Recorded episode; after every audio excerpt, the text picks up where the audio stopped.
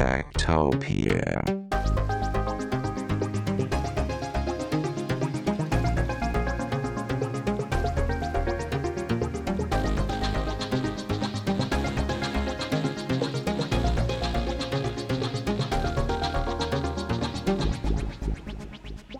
Tektopia er en podcast om mennesker og deres teknologi, udgivet af Ingeniørforeningen IDA i samarbejde med mediehuset Ingeniøren og China Experience, støttet af Innovation Center Danmark, IDA Forsikring og EUT Electronics of Tomorrow. Mit navn er Henrik Føns, og det er mig, der bestemmer i Tektopia. Tektopia.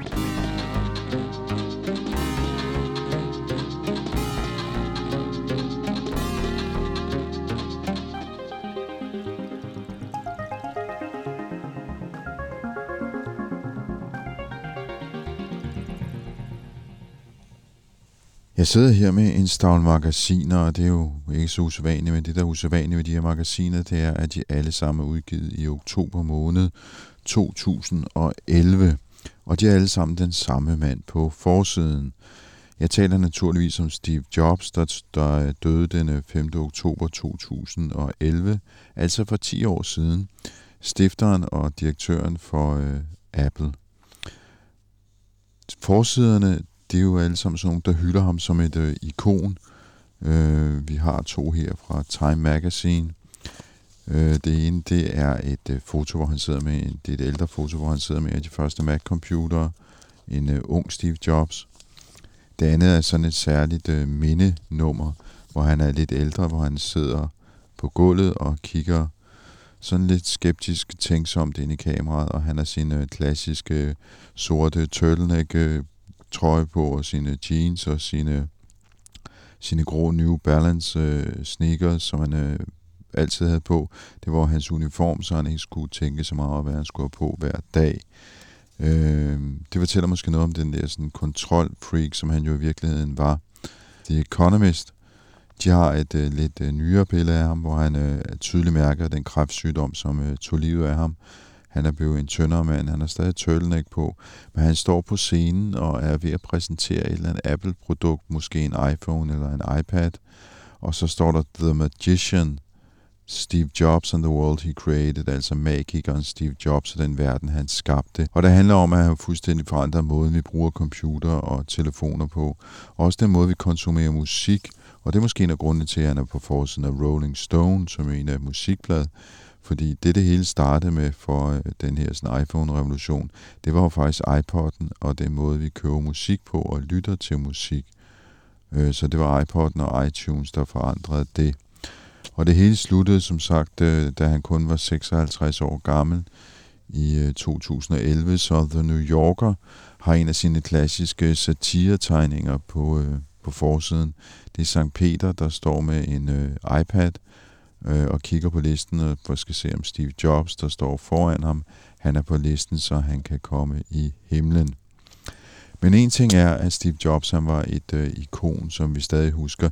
En anden ting er, hvad der skete med firmaet efter han døde, fordi øh, allerede den 24. august 2011, der havde han sat øh, Tim Cook, en af hans øh, håndgangende mænd fra Apple, til at være CEO for Apple. Og Tim Cook han har jo så kørt selskabet lige siden, og det må man sige, han har gjort godt rent forretningsmæssigt, fordi øh, værdien er, tror jeg, noget nær syvdoblet. Apple er i dag øh, 2,6 øh, billioner dollars værd, og 80% af den værdi er skabt i løbet af de 10 år, hvor Tim Cook han har haft øh, rorpinden. Så der er sket noget der. Men der er også en masse andre ting, som Apple har været igennem, og man kan også kigge på firmaet og sige, jamen, hvor er alle de ikoniske produkter blevet af? Fordi øh, der er jo ikke kommet en iPhone eller en iPad, altså en produktkategori helt for sig selv, i løbet af de 10 år, hvor Tim Cook han har været CEO. Så det er noget af det, vi skal kigge på i dag. Jeg har to øh, Apple-eksperter som gæster. Den ene er Horace DeJeus, som er amerikansk analytiker. Ham kommer du til at møde til sidst i øh, podcasten. Han er fuld Apple igennem de sidste 15-20 år. Og det startede i virkeligheden dengang han var ansat hos Nokia, så det er jo meget interessant at høre, hvad man egentlig tænkte der, da iPhone kom, og man ikke tog den alvorligt. Men allerførst så skal vi hilse på min gamle kollega fra Danmarks Radio og Harddisken, Nikolaj Frank.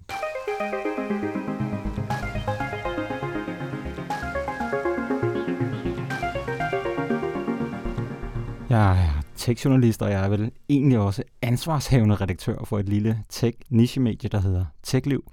Og så er jeg også vært på en podcast af samme navn, som jeg jo i øvrigt laver sammen med din gamle kompagnon, Anders Høgh Nissen. Det er nemlig sådan, det er. Og øh, Nikolaj, grunden til, at jeg har opsøgt dig, det er, fordi jeg ved, at du er vild med Apple-produkter, og du har simpelthen haft, jeg ved ikke, hvor mange Apple-produkter gennem årene. Ja, altså, jeg ved ikke, om jeg er vild med dem på den måde, men okay. jeg i hvert fald øh, har, som du siger, jeg har øh, brugt Mac og iPhone og andre Apple-produkter i, i en del år, og har jo i det hele taget også øh, skrevet utrolig meget om firmaet. For fuldt det rigtig længe. Ja.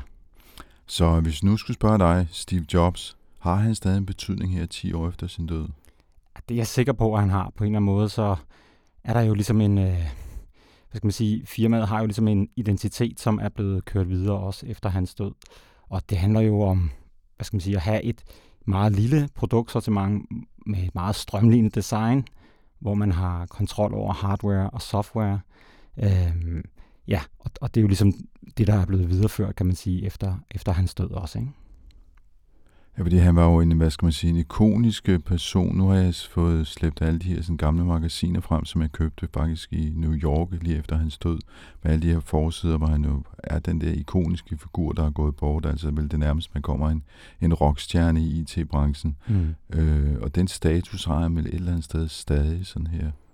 Ja, det er klart. Altså, han har jo hvad skal man sige, startet et firma fra, fra bunden af og været med til at definere hele vores øh, hvad skal man sige, digitale tidsalder øh, i forhold til de produkter, som Apple også har været med til at udvikle. Så på den måde, der kommer der jo ikke nogen som ham øh, igen. Det er i hvert fald svært at se. Og på den måde har Tim Cooks rolle jo også været en helt anden, fordi han har ligesom skulle køre Jobs livsværk videre, og det er jo noget andet end at starte det fra bunden af. Ja, Tim Cook han var jo sådan lidt, øh, til, i hvert fald til at starte med, en lidt grå figur, der blev hævet frem fra, fra nogle øh, andre geleder i Apple og blev gjort til chef. Men øh, hvordan har han egentlig gjort det? Jamen, det afhænger af, hvad for et parameter du vurderer det på. Man kan sige, at han har jo øh, noget, der minder om syvdoblet firmaets værdi på, på de her 10 år, og gjort Apple til øh, verdens øh, mest værdifulde firma. Så det er jo i hvert fald en bedrift, kan man sige. Øhm, så kan man så diskutere om den her, at der har været meget snak om den her innovation. Har der været lige så meget innovation hos Apple under Tim Cook, og det er der måske nogen, der mener, der ikke har været. På den anden side, hvor tit er det, der opstår en ny produktkategori, som eksempelvis iPhone. Det er ikke ret ofte, og det havde, kan man sige, Steve Jobs jo lige nået at, at lancere. iPhone gør den sådan øh, til lidt mere end en baby, ikke? og så kom iPad, inden han døde. Ikke? Så, så på den måde, så er det jo det, han, som Tim Cook har videreført. Ikke? Ja, hvis man skal være lidt ondskabsfuld, så kan man sige, at Steve Jobs har noget ligesom at opfinde det hele, før han stillede træskoene, som Tim Cook så førte ud i livet. Ja, det kan, man, det kan man selvfølgelig godt sige, men jeg synes, øh, at man måske heller ikke helt skal undervurdere de nye produkter, der trods alt er kommet under Tim Cook. Øh, det er selvfølgelig klart, der er, altså Apple er stadigvæk et iPhone-firma. Det er omkring 50 procent nu, tror jeg, ikke, som deres indtægter, der kommer fra iPhone. Det var på et tidspunkt i starten af, af Cooks 10 år her, der var det nærmere 70 procent. Så på den måde har han ændret noget på vægten der. Men så er der jo kommet Apple Watch, AirPods. Nej, det er ikke produkter, der er på niveau med iPhone på nogen måde, men han har alligevel formået at, at gøre, at sådan nogen som måske mig og dig går rundt med en 2-3 Apple-produkter på kroppen, ikke? en telefon i lommen og et uh, ur på håndledet, og så måske nogle AirPods i den anden lomme. Ikke? Så på den måde er der jo mange, mange, mange flere millioner mennesker, som har Apple-produkter i dag, og som, som, hvor Apple er en del af deres hverdag, end der var, da Steve Jobs levede. Så øhm, han har løftet arven, kan man måske sige. Men vi skal lige, hvis vi lige ruller tilbage på Tim Cook, var han ikke øh, chef for deres butikker egentlig? Nej, han var deres COO. Han var det, det som ligesom gjorde ham til en stor stjerne hos Apple, det var jo, at han stod for hele den her operations med at sørge for, at der lige præcis var iPods til alle dem, der gerne ville have det. Men der var heller ikke for mange, som man brændte ind med et stort lager. Så hele den der, øh, hvad skal man sige, produktionen i, i, i Kina blandt andet jo, øh, og hvordan man altså, havde produceret nok produkter, men ikke for mange, det var jo virkelig det, som han strømlignede. Så i virkeligheden så er han manden bag deres meget strømlignende produktion i Kina hos Foxconn? Yes. Og det er jo i sig selv meget vigtigt i sådan en virksomhed. Ja, altså Tim, Tim Cook har i hvert fald jo, han var den, der om, om nogen forstod firmaets operation. Ikke? Øh, det var det, som han havde ansvaret for, inden han blev CEO, og derfor var han jo også et nærliggende valg til ligesom at, at føre det videre. Og så er det vel også derfor, at han har været så god til at optimere forretningen, fordi det er det, han virkelig kan. Det er det, han virkelig kan. Og det er også det, som han har koncentreret sig om. Han har jo ikke på den måde forsøgt at skulle være en Steve Jobs nummer to, for det har han godt vidst, at han ikke kunne være. Han har kendt ham virkelig godt, så på den måde bærer han jo også mange af hans værdier videre. Men øh, man skal nok heller ikke undervurdere, når vi snakker om personer i det her Apple-galleri, en øh, Johnny Ive, som jo var chefdesigner for Apple i mange år, jo tilbage fra, fra den her første iMac med, med de her sådan lidt øh, livlige farver, og som jo også har designet iMac iPod og iPhone og hele Apples designsprog. Han har jo været der indtil for et par år siden, hvor han stoppede, så han har jo også været en, en overgangsfigur, der har kunne bære hele øh, Jobs' øh, tankesæt videre. Han har i høj grad haft indflydelse på, hvordan produkterne ser ud, ikke mindst iPhone. Ja, og det, er jo, og det er jo en ting, som er vigtig i Apple-universet. Det er jo, hvordan produkterne ser ud. Øh, ikke bare udenpå. De har jo også tit i, i nogle af deres øh, ligesom præsentationer vist, hvordan, hvordan deres øh, computer ser ud indeni. Ikke? Altså på den måde, der er øh, fokus og på detaljen og på design jo virkelig en, en meget markant del af Apple. Og nu er du selv, øh, nu har du bevæget dig ned under motorhjelmen, fordi øh, det kan godt være på overfladen, så tænker vi, at vi får bare nogle nye iPhones og nogle nye iPads, og der sker ikke så meget. Men hvad sker der under motorhjelmen?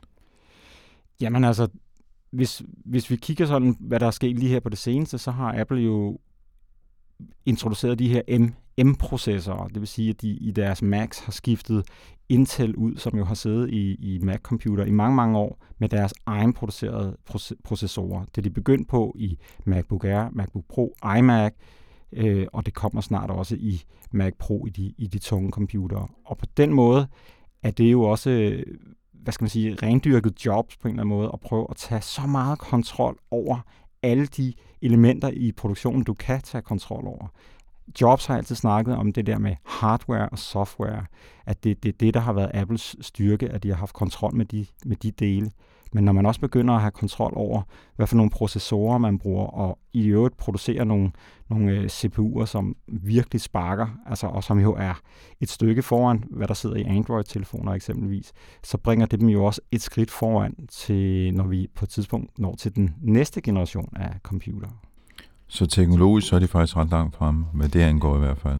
Lige præcis, ja. Det er jo ikke fordi, at der er masser af super, super fede Android-telefoner, der, der teknisk set er på et meget højt niveau, men de processorer, som Apple producerer øh, i øjeblikket, de er altså virkelig voldsomme og måske et par år for, foran øh, en del af konkurrenterne. Ja. Så der er noget, vi ikke kan se, som i virkeligheden er ret fedt, om man så må sige, eller i hvert fald er ret nyskabende. Ja, det er i hvert fald, det, det, de har i hvert fald øh, altså fokus på det der med at, at, at, at tage kontrollen og bringe sig selv i førersædet. Og man kan jo også se, at det er jo en, øh, det er jo en vej frem, som nogle af de andre firmaer også prøver at adoptere. Google for eksempel øh, kommer snart med, med en Pixel-telefon med deres egen processor. Altså det der med, at forståelsen af, at man kan kontrollere og, og skabe et produkt på en helt anden måde, når man, når man har den fulde kontrol. Apple har været lidt inde i nogle forskellige, hvad skal man sige, stormvær på det sidste. Der var sag med øh, spiludvikleren Epic, der, ville, der lagde sagen på grund af, af, hvad skal man sige, afregningsmodellerne i App Store, og den tabte de faktisk her for nylig. Og så har der været hele den der sag med, øh, at øh, Apple gerne vil kigge ind i vores iCloud for at finde ud af, om vi havde børneporno på vores telefoner. Hvad, hvad er det for, altså, hvad skal man sige, den del af butikken, hvad er det, der sker der? Altså, det er jo, det er jo det er, jo, det er jo lidt mere kompliceret, kan man sige, fordi hvis, hvis, hvis vi kigger på en af de andre ting, hvis vi snakker om Tim Cook, han har bragt ind, så er det jo det der med services og tjene penge på services. Og en meget stor af indtjeningen der kommer jo fra App Store. Men når du snakker om Epic, der begynder at brokke sig over, at de skal aflevere 30% af deres penge til Apple, der er jo ligesom et opgør der fra, fra nogle udviklere, der siger, at det kan ikke være rigtigt, at Apple sidder der som verdens mægtigste firma, har fuld kontrol over deres eget økosystem, ejer deres butik. Vi kan kun få vores apps på deres telefoner igennem deres butik, men vi skal aflevere 30% til dem. Så på den måde er der jo i hvert fald en lille bit sådan en, et mismatch, kan man sige, i forhold til de udviklere, der har været med til også at gøre iPhone så populær. Men, øh, og, og det er selvfølgelig klart, at det er, er et problem lidt for Apple, det der med, at, at dem, der udvikler apps til deres øh, platform, synes, at de, at de røvrender, for at, at sige det som det er, ikke? altså ved at tage simpelthen for mange penge. En dyr husleje, kan man sige. Ja, det kan man sige. Og, og, og den anden sag, du, du nævner i forhold til det der med, at de gerne vil kigge jo ikke bare i iCloud, men faktisk i på telefonen, hvad det er, du er ved at uploade til iCloud, er jo også super komplekst, fordi Apple har jo slået sig meget op på at være det her øh, privatlivets vogter, ikke? Altså, øh, at øh, privacy er en human right, og alle de her ting med what ha- øh, happens on your iPhone stays on your iPhone. Og lige pludselig så vil de alligevel gerne kigge med, ikke fordi, at de som sådan er interesseret i det, men fordi der er et helt regulært problem med, at folk gemmer børneporno i iCloud, altså på Apple server, og de har ligesom ikke gjort noget ved det, og så prøver de at finde en eller anden løsning, hvor at de gerne vil lade folk blive ved med at være private, men de vil også gerne tjekke, om de har børneporno, og der, der træder de jo ned i et i, ja, i lidt af et hul, ikke? fordi at, hvordan, hvordan gør man det, uden at komme til at, at give køb på de her privatlivs ambitioner, og, som de ligesom har slået op. Ikke? Men den her sag viser jo også, øh, kan man sige, hvad det egentlig betyder at kontrollere hele økosystemet, som de jo faktisk gør, altså lige fra chippen, som du snakker om, til softwaren og til services omkring øh, produkter, ikke? Altså fordi det er jo Apple, der ejer, hvad skal man sige, hele, hele muligheden, ikke? Ja, og det, er, og det er jo både, når vi snakker om, om Epic-sagen, som jo handler om, er Apple ved at blive et monopol, og hele det her øgede fokus fra, fra politikere både i USA og Europa, og i øvrigt også i Asien, som ikke er, øh, synes, det er så fedt, at de store tech-giganter bare øh, styrer showet, som gerne vil regulere dem mere. Det er, jo, det er jo den ene del, det er det her med monopol. Det andet er det der med, hvordan ligger man sig i en verden, hvor der er mange farer. Man vil gerne give privatliv til sine kunder, men man bliver jo også nødt til at forholde sig til, at der foregår en del kriminalitet øh, i den digitale verden. Så, så det, er nogle, øh, det er nogle af de ting, som, som, som vi kommer til at høre mere om i de, i de kommende år, og det er klart, at det er mere politik, end det er, end det er business, men man kan ikke rigtig skille det her.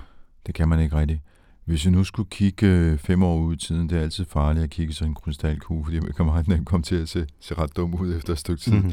Men øh, hvor, hvor tror du firmaet bevæger sig hen? Tim Cook han har sagt, at han sidder i hvert fald fem år mere på posten, øh, og så skal der så en ny general til.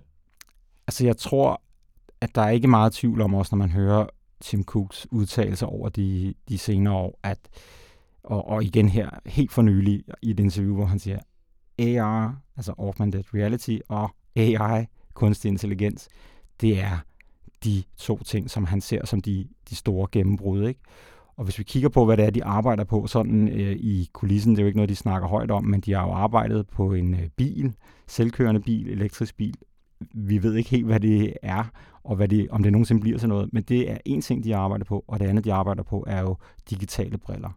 Øhm, og, og jeg tror, at, at når man kigger på, på de to ting, så er det jo noget af det, som virkelig kommer til at tegne fremtiden. Augmented reality har potentiale til at blive kæmpestort og være det, der i virkelighedens verden bliver aftageren fra en iPhone, hvis vi pludselig kan se alt det digitale bare sådan, at det bare svæver foran os, fordi vi har nogle briller på. Og hvis vi snakker selvkørende biler, det er jo øh, det er jo kunstig intelligens, kan man sige. Det er jo en, en, en robot, der skal vurdere en masse situationer selv. Så jeg, jeg tror, at, at, at det er jo de ting, som, som de arbejder på. Og jeg kunne godt forestille mig, at når Apple måske har lanceret sådan et par briller, at så er det, at Tim Cook han giver stafetten videre. Så på samme måde måske som Jobs, der nåede at lave iPhone og lige præsentere iPad, så kunne det være de her briller, som bliver det, som, øh, som Tim Cook måske når at og, og lancere i sin, i sin tid, og så, så giver han stafetten videre der. Så når vi sidder og efterlyser innovative nye produkter og nye produktkategorier, så kan det være på briller? Det tror jeg er, er meget oplagt, altså, øh, fordi som vi startede med at snakke om, det er ikke så tit, der kommer de her meget store, markante skift. Øh, hvis vi snakker om de der små produkter, uret og, og, og AirPods, så er det jo en computer i øret og en computer på håndledet og den næste computer, den kommer nok til at sidde foran vores øjne. Øh, så, så man kan sige, at uret har meget med sundhed at gøre. Briller har jo meget med, det er, altså, det er jo den næste computerplatform. Det er i hvert fald det, som øh, optimisterne og øh, tror, det bliver, og det er nok heller ikke helt usandsynligt, men der er jo bare et stykke derhen, før at de her processorer er kraftige nok, før at, at øh, skærmene er, er gode nok, før at batterilevetiden er, er god nok, og det, det tager jo tid at komme derhen. Nikolaj Frank, tak fordi du øh, ville være med og gøre os lidt klogere på Steve Jobs og Apple er i dag. Jeg skal lige spørge, hvor kan man finde dit, øh, dit øh, nyhedsbrev? Det, det kan man på techliv.dk. Og der kan man sikkert læse mere om Apple. Det er også om Apple, og om alt muligt andet, der rører sig inden for teknologi. Super.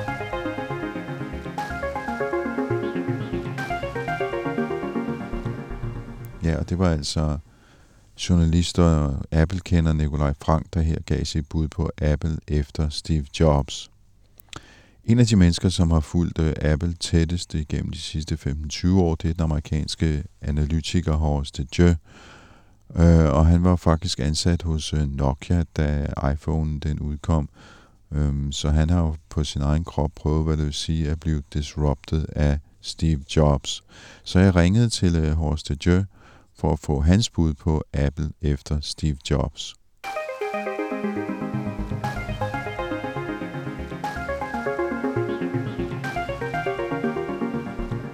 Apple was my concentration starting about 2004 and 5. Uh, or one of the things I paid attention to. Mostly, actually, when I started, it was because of their uh, overwhelming success in the iPod and the transformation of the music industry, which started and actually since 2001 is when the iPod was launched, but it was by 2004 and 5 that it came to the attention of major, um, well, major phone companies like like Nokia because they were so tremendously successful, even though not a not not a major player in com, you know in the computer PC world at the time. Um, Windows and and Microsoft were by far like 95% of the market. So there wasn't a lot of interest in in Apple as a computer company or as a as a challenger in other areas except this music business which kind of which kind of took everyone by surprise. But since you were working at uh, at Nokia at the time when uh, Apple launched the iPhone, what what what did what did you think about the iPhone at that point?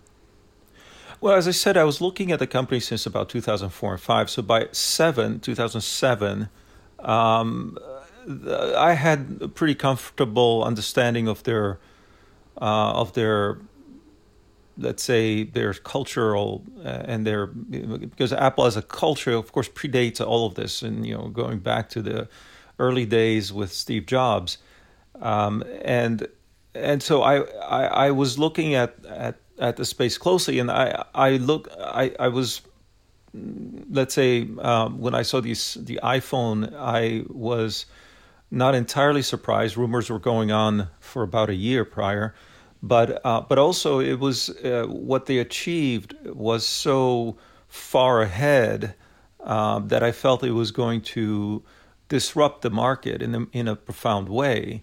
Um, not so much that it was a better phone, but it was a better computer. And most people who observed it said, well, it's not a very good computer, so that's not interesting. And also, as a phone, it's maybe too expensive and too fancy to be a decent phone. At the time, phones were known for their week long battery life and, and, and strong durability and, and being fairly cheap. And, um, and so it didn't seem to be successful as either a phone or as a computer, but it it blended the two in a in a unique way. So I I was I was very very excited about the iPhone. That's not what most of my peers at Nokia felt. So I was a little bit uh, I was a little bit um, let's say uh, challenged to persuade them. So, what was the uh, sort of the tipping point when the when your peers at Nokia uh, discovered that they were being disrupted? Uh, it never happened. The company shut down before that happened. So they actually never realized it. Nope. And I don't think they ever will. That's the nature of disruption. You don't uh, you don't agree it's happening to you. You're in denial, and um, and most people still, if you ask them today, say that um, the reason for disruption or any of these sort of catastrophes is that uh, some other people in the organization uh, uh, were were either making mistakes or or being greedy um, or foolish or some other sort of human fault that um, you know that, that that that blame is should be on um, on those who who failed. And uh, that the iPhone is uh, or rather the Challenger is uh, is is simply lucky. But if we go fast forward today, do, do you still see Apple as a disruptive company? Well, yes, because it's not. Um, uh, so here's the reason: uh, there are many categories that have been created since um, the the Apple Watch, uh, which has proven to be an interesting uh, disruption in healthcare. And uh, that, by the way, healthcare is to me is not just health repair; it's health maintenance, and health maintenance um, is something that that is still being discovered as a, as a kind of a, a, way to you know how do we do this properly you know if you think about exercise and diet uh, those industries themselves are, are enormous and are unregulated. Um, whereas the, traditional medicine and and um, uh, sort of uh, health uh, repair business as I call it that is a regulated industry. And and so the disruption would come from maintenance as opposed to repair. Um, so that that's an enormous uh, potential there. The second um, would be um, if you look at at the wearables market, and uh, of course, watch is one, but also you have the AirPods. Uh, but what we haven't conquered as as sort of the wearable space is that in front of the eyes, and uh, how that will be developed as a um, as a product and service uh, has has yet to emerge. But I think that if there is one company that's going to be successful, it's Apple in that space, and sort of trying to create a market for um, for immersive wearable experiences. And I think the pieces are all there, and uh, sort of audio pieces um, and miniature pieces that are worn. These are as as you know, watch and AirPods show. Those are uh, well underway um, that we just need to uh, to tie the visual uh, the visual dimension into that. So I think those are opportunities. There's also potential for the um, uh, for the transportation market and for the home markets. And and more home market is if you think about the um, the HomePod and Apple TV, which are pieces of hardware today, but they need to be integrated in a way that we make our home smarter. Um, and and th- that's a largely underdeveloped area. Uh, smart homes uh, would be would be great if because they could manage energy, they could manage uh, communication, they could manage many things and uh, and entertainment. But right now, that's very very poorly integrated. Uh, so there's opportunity there, and then there's opportunity in transportation. So if you look at these pools of oceans of opportunity, almost you have um, wearable and and the sort of really intimate computing as opposed to personal computing. You have stationary, which is the the the home uh, market, and then you have the transportation, which is sort of the the way you get people moving and goods moving, and th- those are are still, uh, I in my opinion, unpenetrated by software. Um, the software that's there is like feature phone software was in in, in the early 2000s, late 90s. Um, there was software in phones, there was software uh, in PDAs or other devices you carried, but it, we, we, we couldn't recognize uh, those as today as smart devices. So this has to this has to come and, and now you asked about Apple in particular. So these are opportunity out there, but Apple is fundamentally proceeding along these kind of its own way of of discovering solutions and I think they're doing it pretty much the same way they were doing it uh, 15 years ago. So, uh, so I, I, think they're they're they're going to figure this out. But during the past 10 years, I mean, a lot of people would say that Tim Cook hasn't really produced anything sort of a game changing uh, in in terms of hardware like the iPhone or the iPad?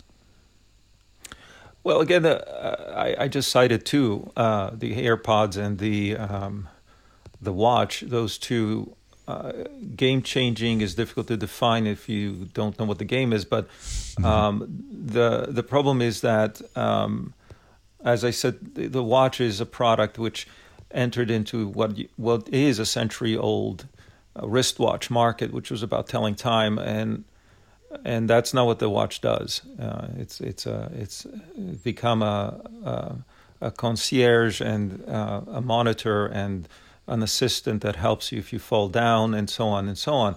So, um, uh, and then AirPods, uh, which I'm using right now, by the way, are are something that um, everyone needs to take with them everywhere, and uh, is a is a little case like a pill box that you put in your pocket and you you wear them uh, all the time, and that that is again a, a let's say a new game um, but but that's beside the point. I think the way to analyze Tim Cook is whether he has preserved that culture that I talked about that that uh, that uh, allows the company to discover uh, new markets and new opportunities. And in that sense, uh, you mentioned only hardware, but if you look at the services business on, under Tim Cook, the services business has um, exploded multifold and now is um, is is such a big part of Apple that they split it out as a separate um, reporting category for their financials. So they have um, products and services as two separate things, where it used to be uh, basically just products. And, uh, and services as a, as a group uh, is, is extremely profitable and extremely successful. And um, I think that's a lot to do with Tim Cook. And also, one other thing um, Apple in the, his time has switched, and this is something that most people still don't, don't, don't understand, has switched culturally in one dimension that is, that is interesting, which is that it's a partner. Uh, under Steve Jobs, there were no partnerships at all um, between Apple and either other um, uh, software companies or or you know um, distributors. Even Apple was always very much doing everything itself. So it was its own distribution in in retail. It was its own supply chain. It was its own uh, software stack, and and everything else was more or less in house. But under Tim Cook, the there are several dimensions of partnerships that that he's created, uh, which have changed the fiber of the business. One is Actually, it's in it's in a détente with Google. Um, Google was was remember the the not just a, a, major threat to Apple, but it was considered enemy number one. Um, right now, probably Google is Apple's biggest partner. Uh, Google is now uh, in a relationship which provides Apple with um, uh, tens of billions of dollars in revenue and tens of billions in profit because almost all that revenue is is uh, uh, 100% profit. Um, it also, um, as a result, in exchange, receives uh, most of its valuable traffic from Apple, and therefore Apple is Google's biggest distributor, and and so distribution of uh, search boxes to end users and end users supplying Google with queries, because queries are are the the the uh, the blood of of Google. The queries are the things which they turn into uh, pages that are are then monetized, and the queries that come from Apple are the most valuable queries in the world, and so Google pays a lot to get those queries.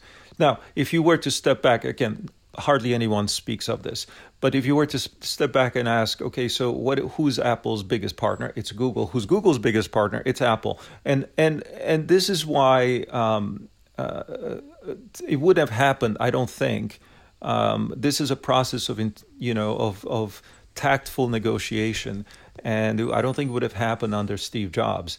Uh, the other thing that most people don't observe is that under Tim Cook, um, Apple is a huge corporate partner to a lot of large Fortune 500 companies.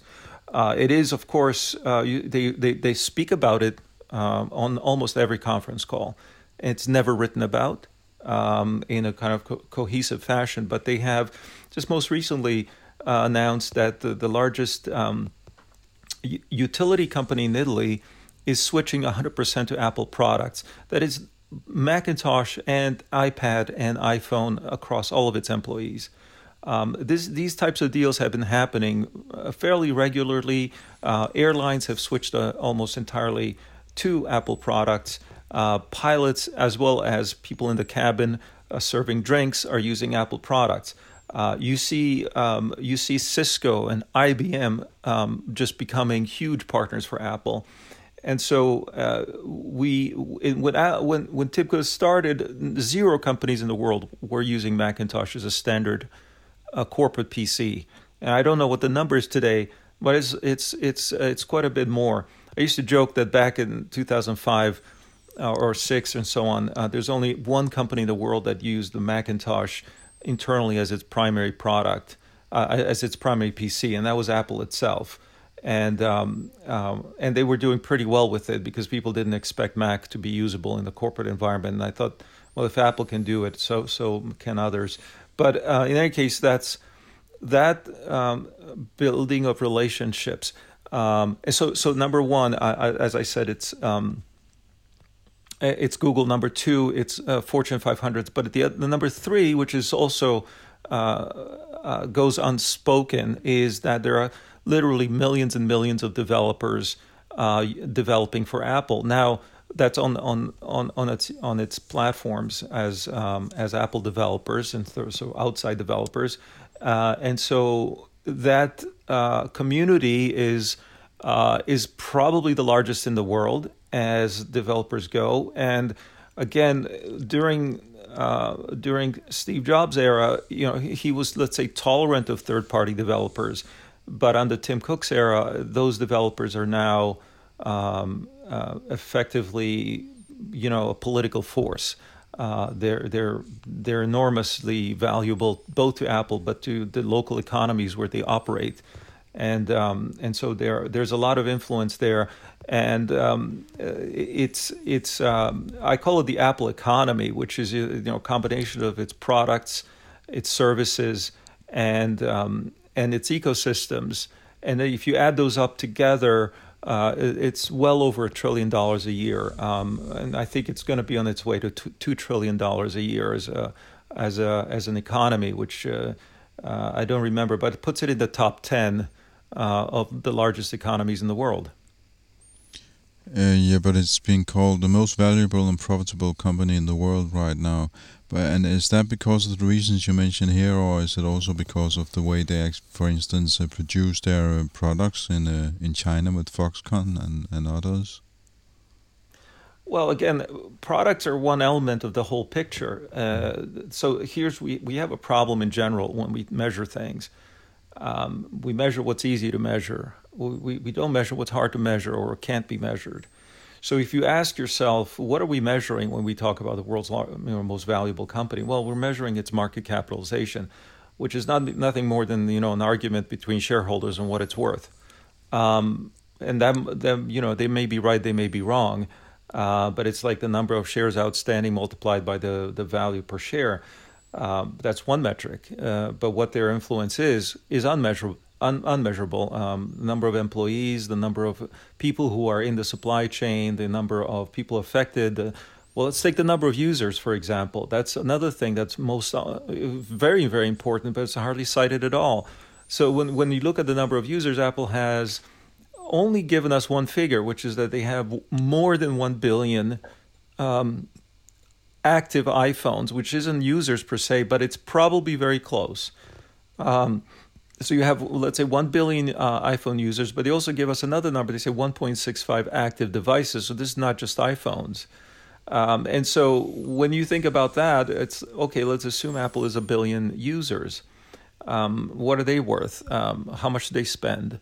Um, how much will they spend? How loyal are they? How much are they to go back and buy more?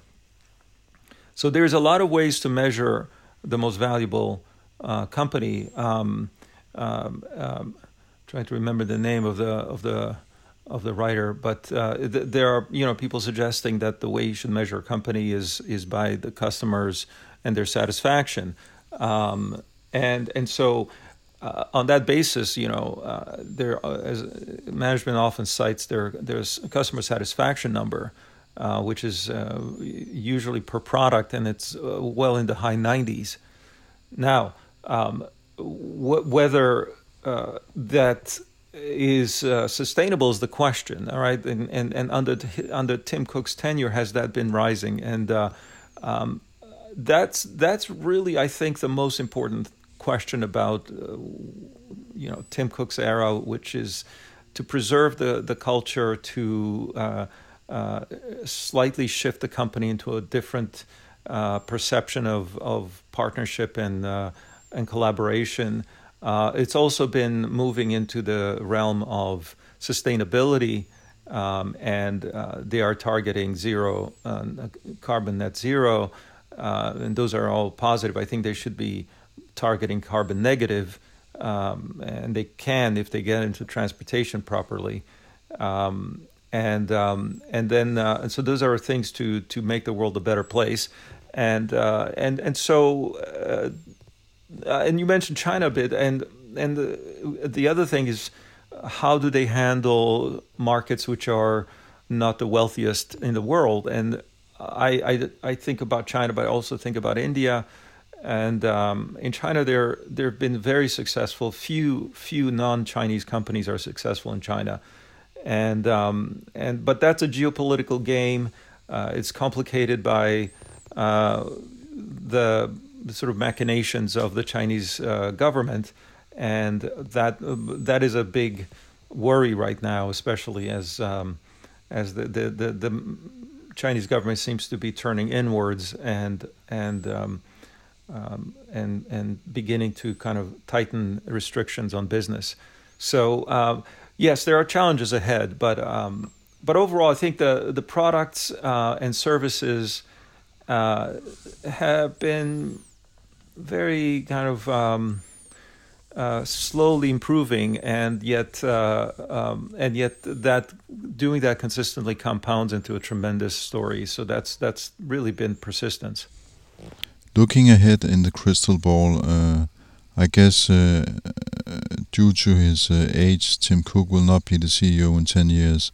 So, how do you see Apple in ten years if we should get together and talk about them in in uh, in 2031?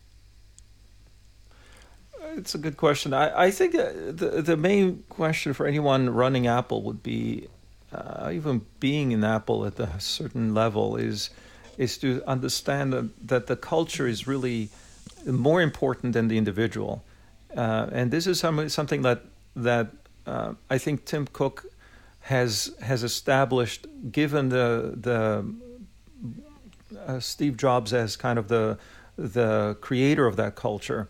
And and so so here's what I mean by this. In many companies, we begin to equate uh, and personify uh, the company by its by its leader.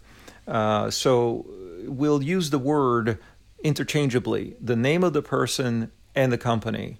So back in the days of Steve Jobs, he wouldn't say Apple does this. It would be like Steve Jobs does this, and it was some, somehow assumed that that um, he was Apple.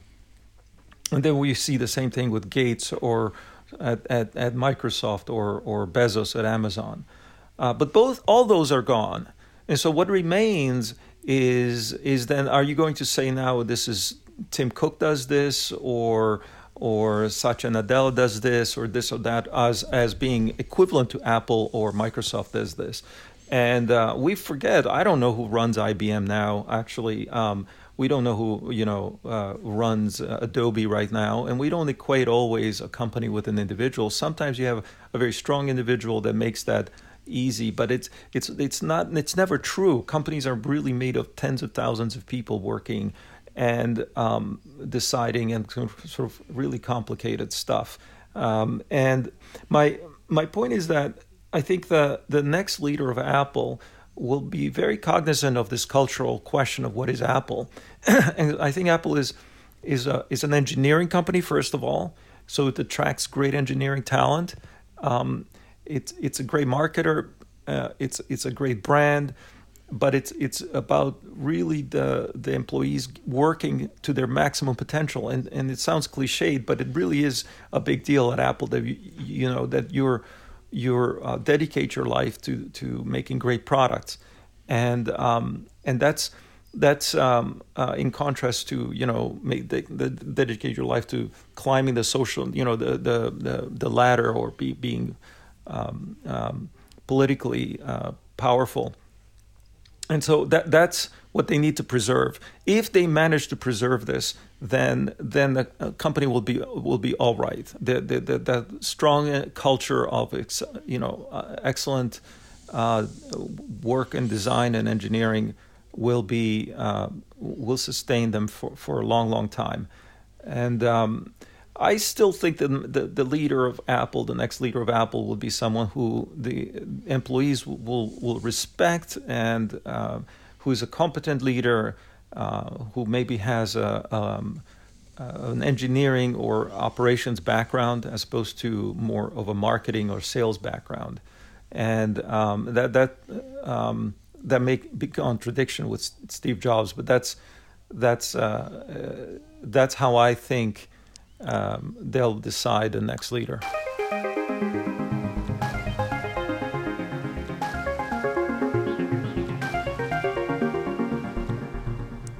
I denne her uge har vi også modtaget podkort fra Ingeniørens øh, podcast Transformator. Der er 4,5 milliard mennesker på nettet. Men så er der også det andet net, det mørke net, dark web. Her kommer kun 2 millioner mennesker, og de færreste bevæger sig rundt derinde i internettets skygger med reelle hensigter. Det er børneporno, det er vold, filmet vold, det er øh, ekstremt hadefuldt indhold. Det er stoffer, altså, øh, altså narkotikabørser, øh, det er våbensalg, det er øh, salg af diverse, øh, det var jo sådan noget, jeg kiggede meget på, fordi det er ligesom det, jeg dækker. Der er mange, der sælger øh, hacking services. Altså, øh, kunne du, synes du, din chef er træls, ikke? Vil du gerne ind i hans mail? Øh, vil du gerne overvåge din kone, hvor hun går hen? Øh, vil du gerne et eller andet af dit, dutter dat? Transformator har i denne uge været en tur på mørkenettet. En tur, hvor teknikken hjælper dig til at blive forklædt, så ingen kan finde eller genkende dig. Og vi har været hele turen igennem med firmaet, der fik taget alle data, inklusive data fra medarbejderne, sådan som pasfotos, lønoplysninger eller referater af jobsamtaler. Lyt til ugens transformator, der i denne her uge er det rene redselskabinet i IT-sikkerhed og mørkenet. Du har lyttet til Tektopia. Vi udkommer hver eneste mandag, og du kan finde tidligere udsendelser og links på tektopia.dk. Du kan skrive til mig på henriksnablag.tektopia.dk. Du kan følge os på Twitter og Instagram, der hedder vi snabelagtektopia.dk. Og så kan du deltage i teknologidebatten sammen med 1500 andre Tektopia-lyttere.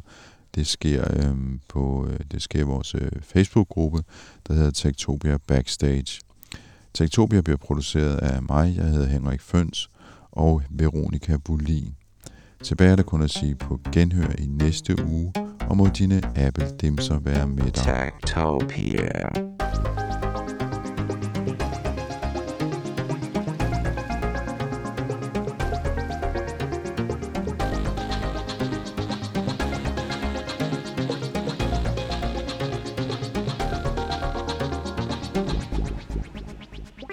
Tektopia er en podcast om mennesker og deres teknologi, udgivet af Ingeniørforeningen IDA i samarbejde med mediehuset Ingeniøren og China Experience, støttet af Innovation Center Danmark, IDA Forsikring og EUT Electronics of Tomorrow.